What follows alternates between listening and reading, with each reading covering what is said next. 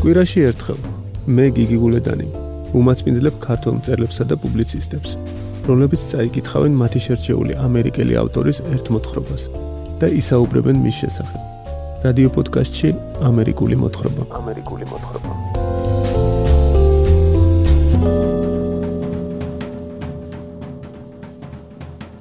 დღეს ამერიკული მოთხრობის მე-20 ეპიზოდში თქვენ მოისმენთ რეი ბრედბერის მოთხრობას კალეიდოსკოპი. რომელიც თარგმნა ირაკლი ლომოურმა.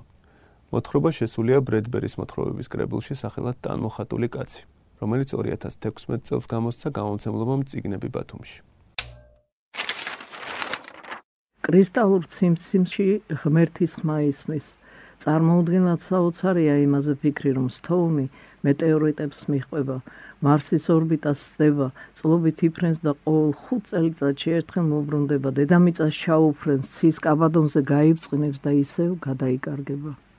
ეს კი მილიონ საუკუნეს გაგრძელდება. სტოუნი და მირმი დონელთა ჯგუფი დაუსრულებლად იფრენენ. ერთად შექმნიან ლამაზ ორნამენტებს, როგორც ფერადი შუშის ნატეხები კალეიდოსკოპს. დღევანდელი ეპიზოდისთვის რეი ბრედბერის კალეიდოსკოპი შეარჩია მუსიკოსმა და მწერალმა მანანა მენაბდემ. გამარჯობა მანანა. მოგესალმებით. კალეიდოსკოპი ბრედბერის ერთ-ერთი ყველაზე პოპულარული მოთხრობაა. როგორ ფიქრობთ, რა არის ამის მიზეზი? თქვენი აზრით, რატომ ეს მოთხრობა გამორჩეული მკითხველისთვის? მინდა დავიწყო იმით, რომ საერთოდ ვერ ვიტან ფანტასტიკას. არ მიყვარს ფანტასტიკა და ამას აქვს თავისი მიზეზი. და რატომ მიყვარს და რატომ გამოვარჩიე საერთოდ? რეი ბრედვერი იმიტომ რომ აი როგორ გითხრათ იცი ძალიან ადამიანურია. ძალიან ახლოს არის ადამიანურ ნებებთან აა მიწასთან. მიუხედავად იმისა რომ ყველაფერი თითქოს ხდება სადღაც რამდენიმე 1000 წლის შემდეგ მომავალში და ეს ყველაფერი ტექნიკა და ყველაფერი მაგრამ აი დანარჩენები ასეთი ტიპის ფანტასტიკის ჟანრში ფანტასტიკის ჟანრში მინდა გითხრათ რომ აი დაშორებულები არიან. აი ყველაფერი იქ ხდება სადღაც რაც ჩემთვის უცხოა. და საერთოდ რა არის კარგი მწერალი? კარგი მწერალია მაშინ როდესაც შენთვის ნაცნობი რაღაცას დაიჭერ და იმას განაზოგადებ. აი ეს არის და რა განმაზოგადო ხა რა ვიცი მე მარსზე.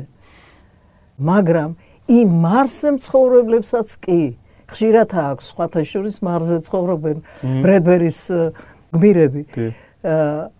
აი მათი სურვილი უკან დაბრუნების ეს არის ჩემთვის ყველაზე მნიშვნელოვანი. აი რატომ მიყვარს არ ვიცი რამდენად გასაგებად თქვი რა შეეხება ახლა თქვენ შეკითხვას ის რომ კალეიდოსკოპში დიახ იღებს რამდენიმე ხასიათს.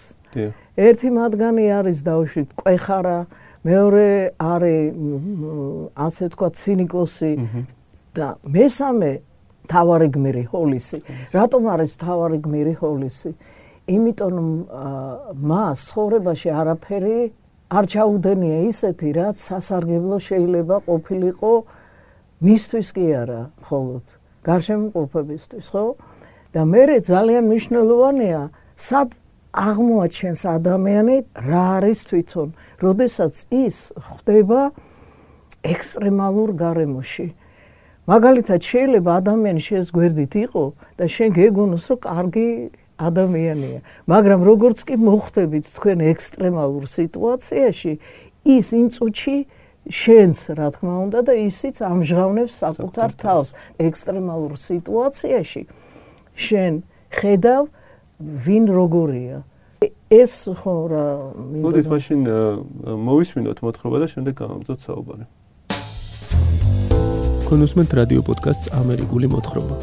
პროექტის რეგიონული პარტნიორები არიან რადიო მარნეული, ინოწმინდის სათემო რადიო ნორი, ახალციხის რადიო სამხრეთის კარიბჭე და ქუთაისის რადიო ძველი ქალაქი. პროექტი ხორციელდება საქართველოსი ამერიკის საელჩოს მხარდაჭერით.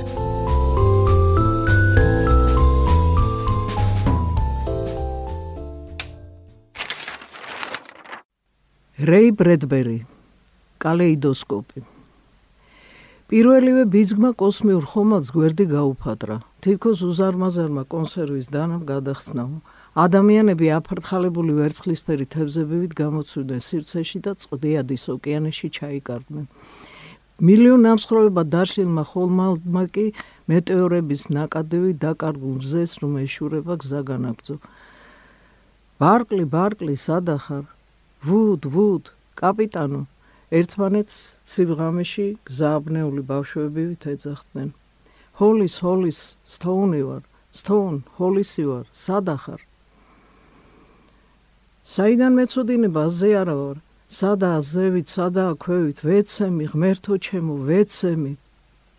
ეცემოდნენ. ეცემოდნენ ჭაში ჩაყრილი კენჭებივით.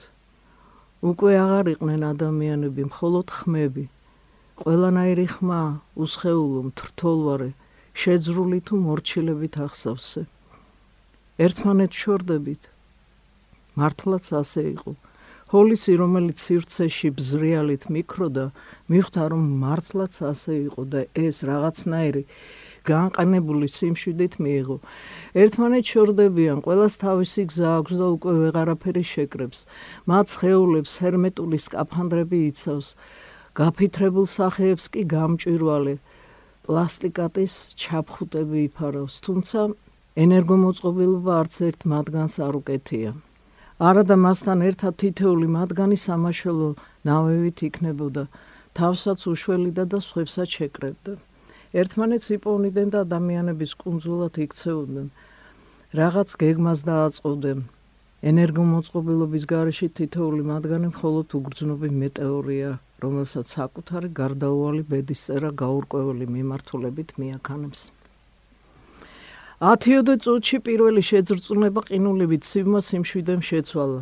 კოსმოსი უზარმაზარი, ბნელი, საქსოვი დაზგა, საოცარ ხმებს წნავდა, არცავდა ერთმანეთში ხლართავდა, მერე ისე ვაშორებდა, საბოლოოდ კი ერთიან ორნამენტს ქმნიდა. ჰოლი სტოუნივა, რამდენ ხანს შევძლებთ რადიოთი ლაპარაკს? გააჩნია, რა სიჩქარით მიფრინავ შენს გზაზე? მე კი ჩემსაზე კიდევ ერთ საათს ასე მგონია. ალბათ ასეა ჰოლისი მშვიდად გაეპასუხა. ერთი წუთის შემდეგ კი იკითხა და მაინც რა მოხდა? ისეთი არაფერი ხომალდე აფეთქდა. კოსმიურ ხომალდეს ემართებათ ხოლმე ასე. საით მიფრინავ ალბათ მთვარეს შევასკდები. მე კი დედამიწას ბებერ დედამიწას უბრუნდები საათში 1000 მილის სიჩქარი ასანთევი ჩავიწვევი.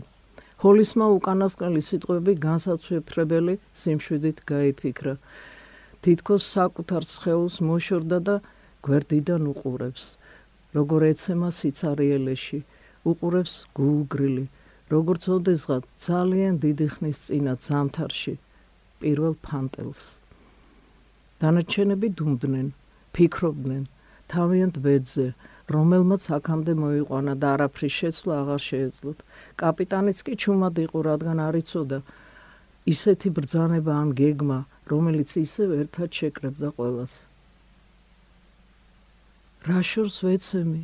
ო, რა შორს, ძალიან ძალიან შორს გაისმა ვიღაცის ხმა. არ მინდა სიკვდილი, არ მინდა სიკვდილი. რა შორს ვეცემი? ეს ვინა? არ ვიცი. გონი სტიმსონია სტიმსონ შენ ხარ? ძალიან შორს ხარ. არ მინდა ო ღმერთო არ მინდა. სტიმსონ ჰოლისივა სტიმსონ გესმის ჩემი. სრულ სიჩუმეში შორდებოდნენ ერთმანეთს. სტიმსონ. ჰო გაისმა ბოლოს და ბოლოს. სტიმსონ მარტივად შეხედე ყველანი ერთნაირად გავებით არ მინდა აკופნა. სადმე სხვაგან მინდა. არის შანსი რომ გვიპოვნონ. არის. კი უნდა იყოს. აყვას თემსონი. არა, არ მჯერა, არ მჯერა, რომ ეს მართლა მოხდა. ეს кошмарია, ჩაერთო ვიღაც. მოკეტე. ხმა შეუღრინა ჰოლისმა. მოდი და მომაკეტინე. ეს ეპლგეითი იყო. ისე მშვიდად ჩაეცინა თითქოს არაფერი მომხდარიყოს, ხო, მოდი და მომაკეტინე. ჰოლისმა პირველად შეიგზნო საკუთარი უმწეობა და სიბრაზით აისო უცებ საშინლად მომდა ეპლგეიტს მისვდომოდა და მისთვის რამე დაეშავებინა. ამაზე წლების განმავლობაში ოცნებობდა, ახლა კი ყველაფერი გვიანა. ახლა ეპლგეიტი მხოლოდ და მხოლოდ ხმა რადიო მიმღებში. ეცემოდნენ, ეცემოდნენ, ეცემოდნენ. უეცრად ორი მათგანი საზრალად დაკევდა. თითქოს ახლაღა შეეშინდა თუ ჰოლისმა შენიშნა რომ ერთ-ერთი სწორედ გვერდით მოყვებოდა და უყვირა: "გაჩუმდი!" კაცი, რომელიც თითქმის ხელის გაწვდენაზე იყო, არა ადამიანურად კიოდა. არასოდეს გაჩუმდება, მილიონი მილის მანძილზე იკივლებს, სადამდეც რადიო მისწვდება. მისი კივილი ყველა შკუიდან გადაიყვანს და ლაპარაკის საშუალებას არ მისცემს. ჰოლისმა ხელი გაიწვინა, ასე აჯობებს კიდევ ერთი მცდელობაც და კაც შეეხო. წვივზე ხელი მოავლო და ზევით აიწია. აი უკვე პირისპირ არიან ის ისევ კივის და ისე ებღაუჭება როგორც დახრჩობის პირას მყოფი კივილი მთელ სამყაროს ავსებს მაშასე თუ მაინც ამ თვარე მოკლავს ან დედამიწა ან მეტეორიტები ბარემ ახლავე. გაიფიქრა ჰოლისმა და რკინის მუშტი გამჭროლე ჩაფხუძე დაუშვა. კივილი შეწყდა.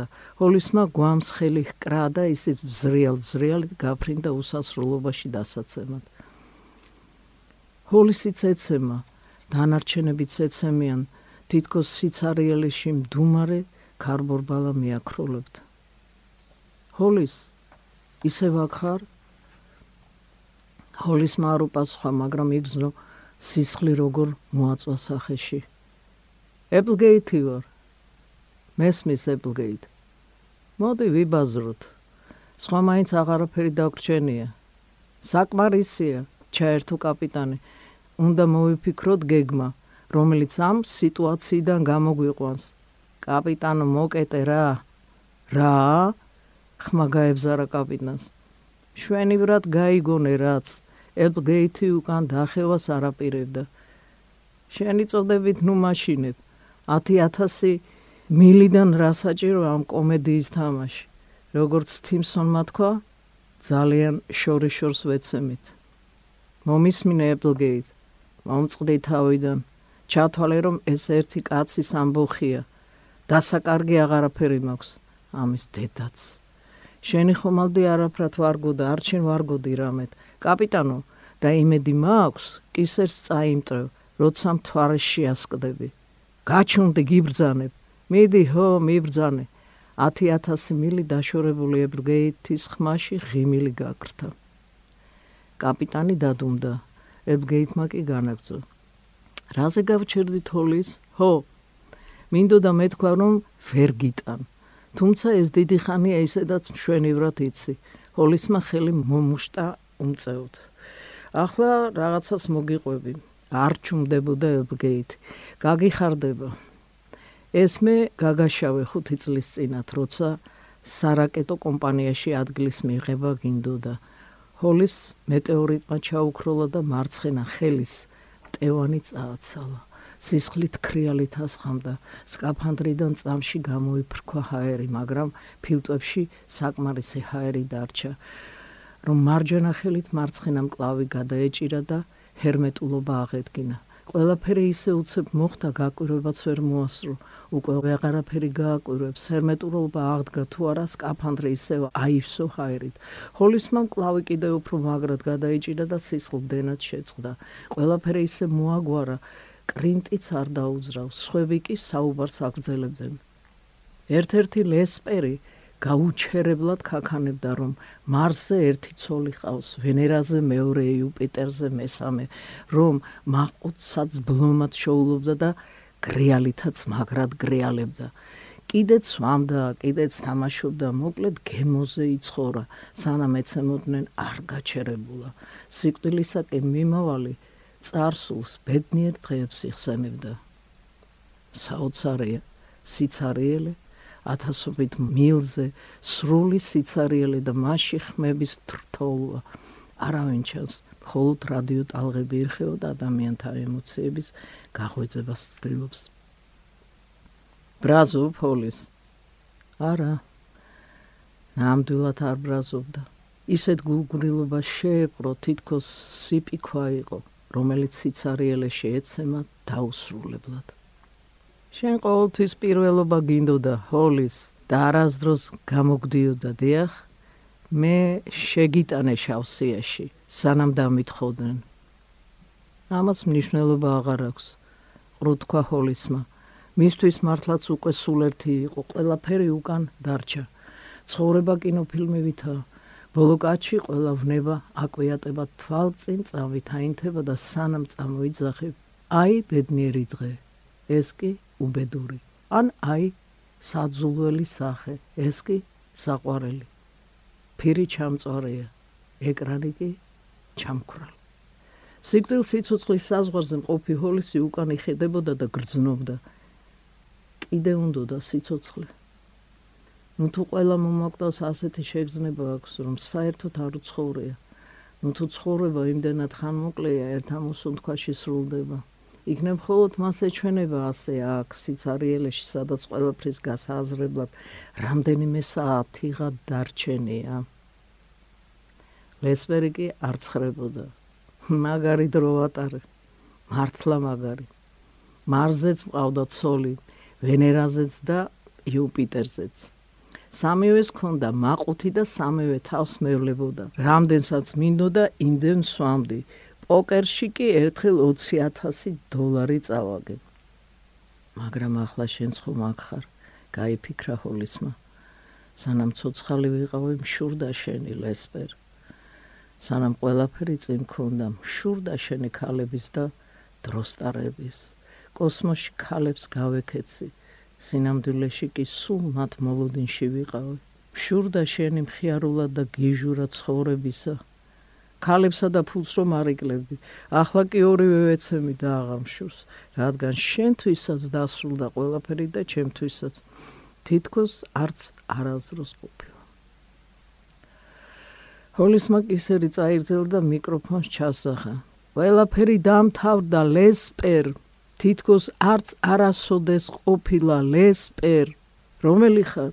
ლესპერს ხმა ჩაუწყდა. ჰოლის იცოდა რომ ნაძირალასავით იქცეოდა ებლგეითმა გული ატკინა. მან კი სხვას უნდა ატკინოს გული. ებლგეითმა და სიცარიელი გული მოუკლეს. ახლა შენც აქ ხარ ლესპერ. ყველაფერი დამთავრდა. თითქოს არც არასოდეს ყოფილა ასე არ არის. არა. დასასრული იგივეა თითქოს არც არაფერი ყოფილა. რითა შენი ცხოვრება ჩემსაზე უკეთესი? აი ახლა ამ წამს რამე ჯობია შენი ჩემსას? დიახად ჯობია. მაინც რით მოგონებებით იყვირა ლესპერმა. სასო წარკვეთილი სანუკვარ მოგონებებს ორივე ხელით ებღაუჭებოდა. ჰოლის თითქოს ცივი წყალი გადაასხესო. მიხვდა ლესპერი მართალი იყო. მოგონებასა და ოცნებას შორის არსებობს განსხვავება. თვითონ მთელი ცხოვრება მხოლოდ ოცნებობდა მასზე, რაც სურდა. ლესპერი კი ახდენილი ოცნებების მოგონებით ტკბება. ჰოლის ისეთ მატკივილმა დაუარა თითქოს ბასრი დანით უსერავდნენ ხელს. და რა მერე? გაცეცხლებულმა იყვირა. ახლა როცა ყველაფერი მორჩა და არაფერი კარგი არ გველის ჩემზე უკეთ მაინც არ ახარ. ემ შვიდად მივდივარ თქვა ლესპერმა. ჩემს ცხოვრებაში იყო რაღაც. და სიკვდილის წინ არც ნაცირალა გამختارვარ შენსავით ნაცირალა? გაიმეორა ჰოლისმა ისე თითქოს ამ სიტყვას გემოს უსინჯევსო. რაც თავი ახსოვს ნაძირალა არასოდეს ყოფილა. საიმისოდ გამბედოობა არ ყოფნით. თურმე ყველაფერი რასაც კი სულში იგროვებდა, სწორედ ამ წუთისათვის შემოენახა. ნაცირალა. ეს სიტყვა გონების ყველაზე შორეულ კუნძულში შეჩურთა. იგზნო ცრემლებით როგორ დაენამა სახე. ვიღაცა მეტყობა გაიგონა, როგორ გაებზარა ხმა. არაფერია ჰოლის. ეს რა თქმა უნდა სასაცილოა. ერთი წუთის წინ თავი ვაშკაცი ეგონა და სტიმსონს აძლევდა რჩევებს. ახლა კი გამოდის ვაშკაცობა უბრალოდ შოკი იყო, რომელიც უკვე განელებია. ვიცი თავს როგორ გზნობ. 20000 მილით დაშორებული ლესპერის ხმა სუსდებოდა და არა ვარ შენზე ნაწყენი მაგრამ ახლა აქ განათანასწორნი არ ვართ მე და ლესპერი თუ კი ყველაფერი ერთხელ და სამუდამ დასრულდა თუ კი ასეც ყდები და ისეც თავის თავს ჯუტათ ეკითხებოდა ჰოლის თუმცა იმასაც ხვდებოდა რომ ამოუცდილობდა გაერკვია რა განსხვავებაა ცოცხალსა და მკვდარ შორის ერთში არის იდუმალი, მოუხელთებელი, ნაპერწკალი, მეორეში კი არა. აი ლესპერი სისხლსავსე ცხოვრები ცხოვრობდა და ამან სხვა ადამიანთა აქცია თვითონ კი მრავალი წელი ისედაც მკვდარი იყო. სიკვდილისაკენაც სხვადასხვა გზებით მიდიოდნენ, ხოლო თუ კი სიკვდილი არაა ყოველასთვის ერთნაირი, მაშინ მისი და ლესპერის სიკვდილიც ისევე განსხვავებული იქნება, როგორც დღე და ღამე. ეტყობა ათასნაირად შეიძლება მოკვდე და თუ უკვე მოკვდი ერთხელ მას საბოლოო სიკვდილისა აღარ უნდა გეშინოდეს ერთი წამის შემდეგ სკაფანდრი ისევ დაიცალა ხაერისაგან და ჰოლისმა აღმოაჩინა რომ მარჯვენა ტერფი აღარ აქვს. მეტეორიტს სკაფანდრი და ხორცი წვივამდე წაერთმე. სისხლით ქრიალით ასხამდა კინაღამ გაეცინა. რა სახალისო ყოფილა სიკვდილი კოსმოსში?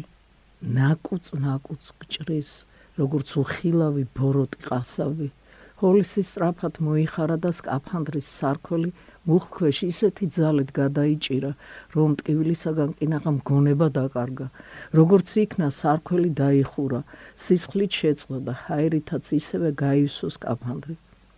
ჰოლისი გასწორდა.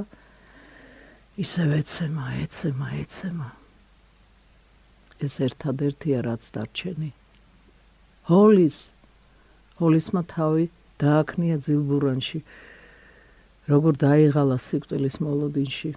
ისევ ეპლგეითი ვარ. გისმენ. გისმენდი და ვფიქრობდი ცუდია ასე სიკვდილი. საკუთარ ბოღმას ხვალზე ვანთხევთ მისმენ ჰოლის. გისმენ.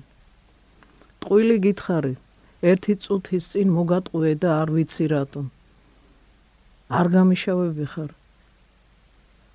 ალბათ მინდოდა გული გტკენოდა ჩვენ ხომ ერთმანეთს ვერ ვიტანდით. ხო და გამომივიდა. ანამას რატომ გიხსნი? ეტყობა თვალსა და ხელშოვ ბერდები და საჩქაროთ მინდა მოვინანია წერან გისმენდი რასაც ამბობდი და შემრცხო. მოკლედ როგორც არის.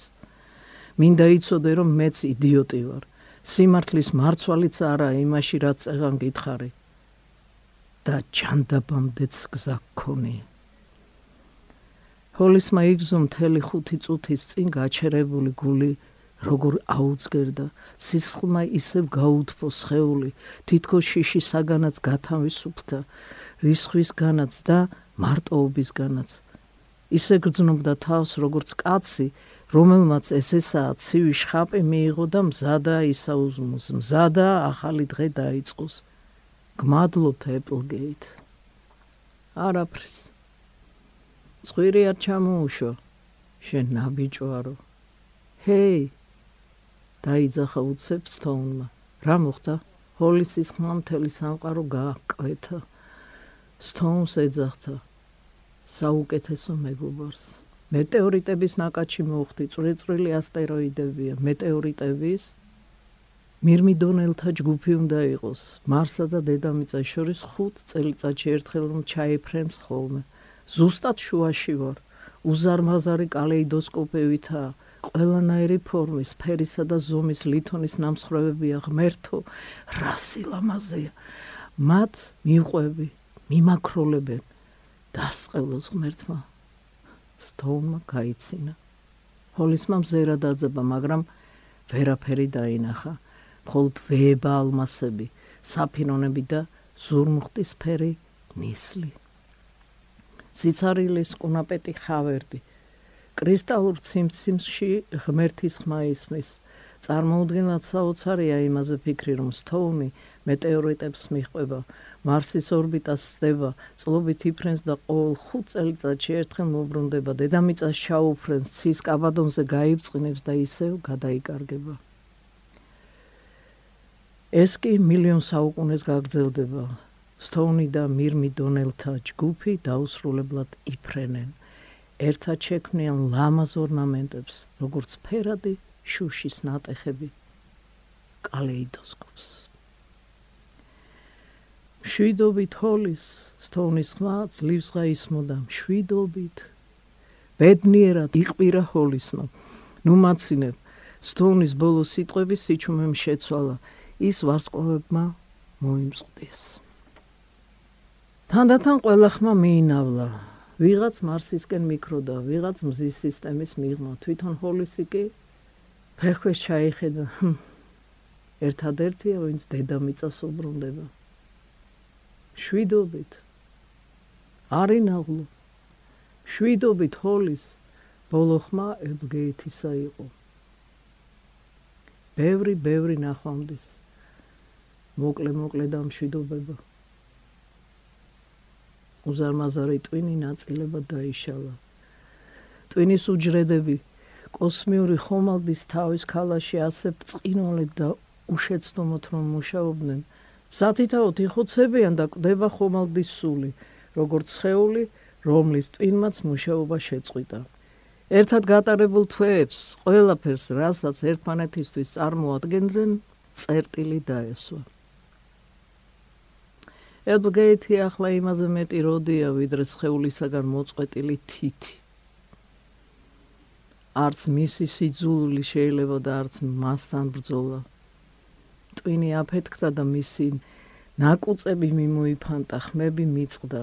კოსმიურ სივრცეში მდუმარებამ დაისადგურა. ჰოლისი მარტო ეცემა. ყველანი მარტო არიან. მათი ხმა გაქრა.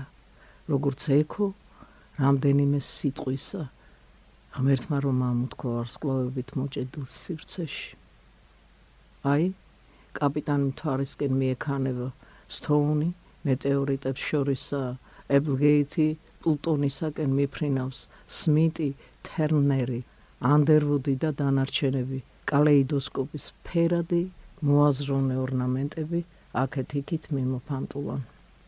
მე რა ვქნა?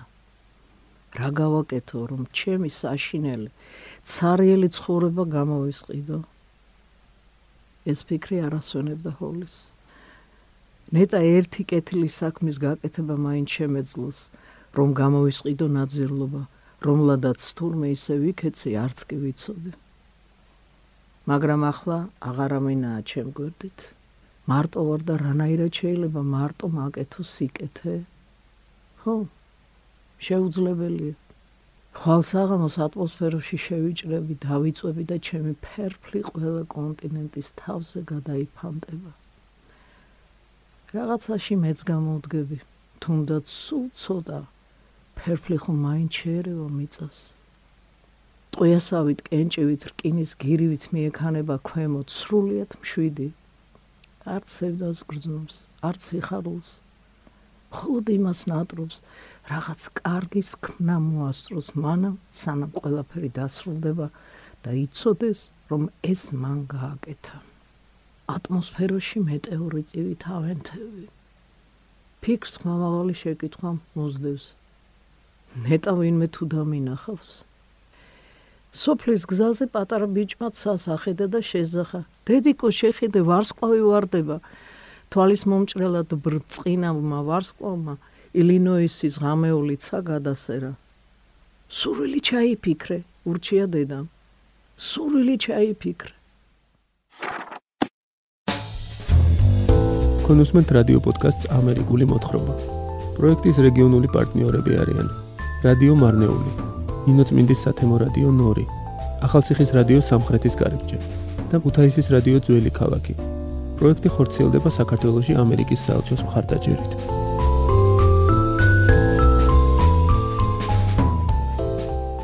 თქვენ უსმენთ რეი ბრედბერის მოთხრობას კალეიდოსკოპი, რომელიც თარგმნა ირაკლი ლომოურმა და გადაცემა ამერიკული მოთხრობისთვის წაიკითხა მანანა მენაბდემ.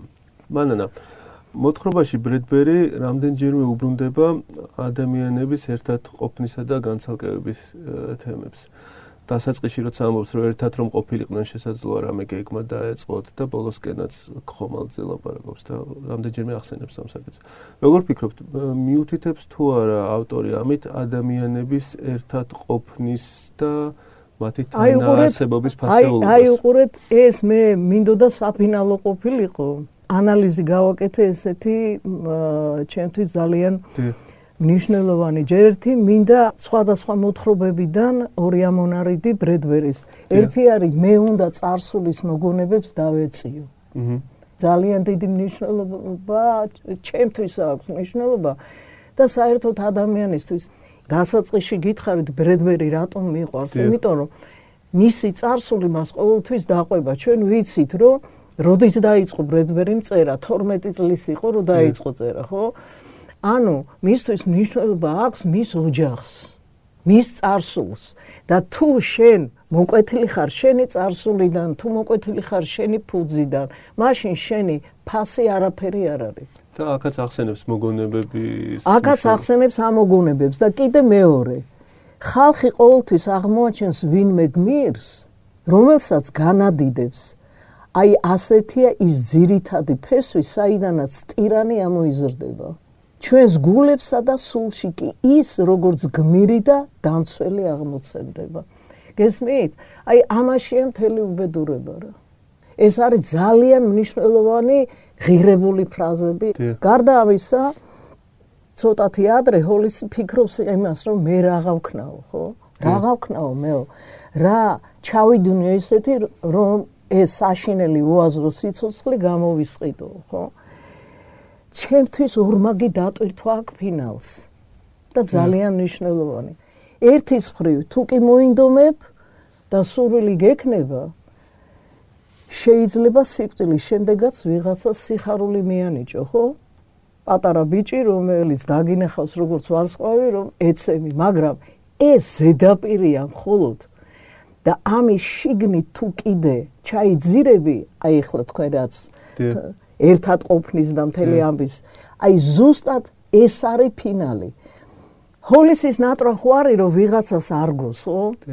მაგრამ მაინც არიცის ეს სურვილი ახდება თუ არა ჰოლისმა ხო არიცის. მან ეს ჩაიფიქრა. უცებ ესეთი რამე მოხდა, მაგრამ ახლა უყურეთ ისევე როგორც ჰოლისმა არიცის რომ ეს ნატრა ახდება, არც მის პატარა ბიჭმაც და დედამაც არ იციან, რომ ეს არის ცოცხალი ადამიანი, რომელიც აფეთქდა და ვარდება. აი ეს არის ძალიან მნიშვნელოვანი მომენტი ამ მოთხრობაში. ერთის მხრივ თითქოს ფანტასტიკური რამ ხდება, რომ ჰოლის სნატრა usრულდება და თითქოს ფინალი დადებითია, მაგრამ თუ უფრო ჩაუღმარდებით, მივხვდებით, რომ აი როგორ არის იცი სხვის უბედურებაზე ჩვენ ვაგებთ ბედნიერებას რა. რაც არ უნდა არ მინდოდეს ამის თქმა, ეს ნამდვილად ასეა. კაც ხელი მოწყდა, ფეხი მოწყდა. ესენი იმიტომ კი არა რომ დამნაშავენი არიან. საერთოდ კაცობრიობაა დამნაშავე და გეტყვით რაში? იმაში რომ შეიძლება მე იდეალისტი ვარ, მაგრამ უყურეთ რა ხდება ამ ბურთზე, ამ დედამიწაზე. იმაში ვირო ჩინეთში ვიღაც კარგად არის თუ ცუდად არის კი არა გვერდით მყოფი არიცი კარგად არის თუ ცუდად არის და არ გაღევებს. და შენ ჯაჭვით ხარ მასთან მიბმული. აი ეს არის მთავარი და რამდენჯერმე უსვავს ამას ხას მე ესე დავინახე რომ ეს ხომ თითქოს დედამიწაა და კოსმონავტები და ეს კოლეიდოსკოპი კი და ეს არის დრო რომელშიც მოძრაობენ ესენი და მაგრამ ხომ საოცარია ის რომ მაგალითად სიტყვილს პარადოქსალურია, მაგრამ მოაქვს სიცოცხლე. აი ეს არის საოცარი. ბოლოსკენ სანამ რადიო კავშირი გაწდება, ყველა თითქოს ინანიებს, ხომ? ცუდ მოპყრობას. მაგრამ აი ჰოლისი მაინც არის კვინტესენცია ყველასი, აი ერთად, ხო? აი ინანიებს და ეს ძალიან კარგია, რომ აი ესეთი რამ ემართება ადამიანს, იმიტომ რომ რატომ არის რომ უნდა მოინანიო ცოდვები, ხდელი მოდის შენთან სიკვდილის ჟამს და ახსარებას იღებს შენგან. ეს არის ძალიან სწორი და ძალიან მნიშვნელოვანი, იმიტომ რომ ადამიანი უნდა თავისუფალი წავიდეს ამ ქვეყნიდან და თავისუფალი. თქვენ რომ ბძანეთ რომ ისე წავიდა რომ არის ისე სურვილი აუხდება თუ არა რამდენად გადამწყვეტია? ეს საკმარისი ხომ არ არის უკვე ის რომ ის იმ დასკვნამდე მივიდა რომ რაღაც არ არის ნიშნულოვანი არ არის ნიშნულოვანი რა თქმა უნდა. მე როგორც მკითხველი ვაანალიზებ ამას თორემ თავარი სურვილია. თავარი სურვილია რომ შენ გაგიჩნდეს სურვილი რომ სიკეთე გააკეთო და ვიღაცისთვის თუნდაც დაიწვე და ვარსკვლავად იქცე პატარა ბიჭისთვის რომელიც შენს უბედურებაზე სურვილს ჩაითქვამს. დიდი მადლობა. თქვენ უსმენთ რადიო პოდკასტ ამერიკული მოთხრობის მე-20 ეპიზოდს. მანანა მენაბდემ ჩვენთვის წაიგითხა რეი ბრედბერის მოთხრობა კალეიდოსკოპი.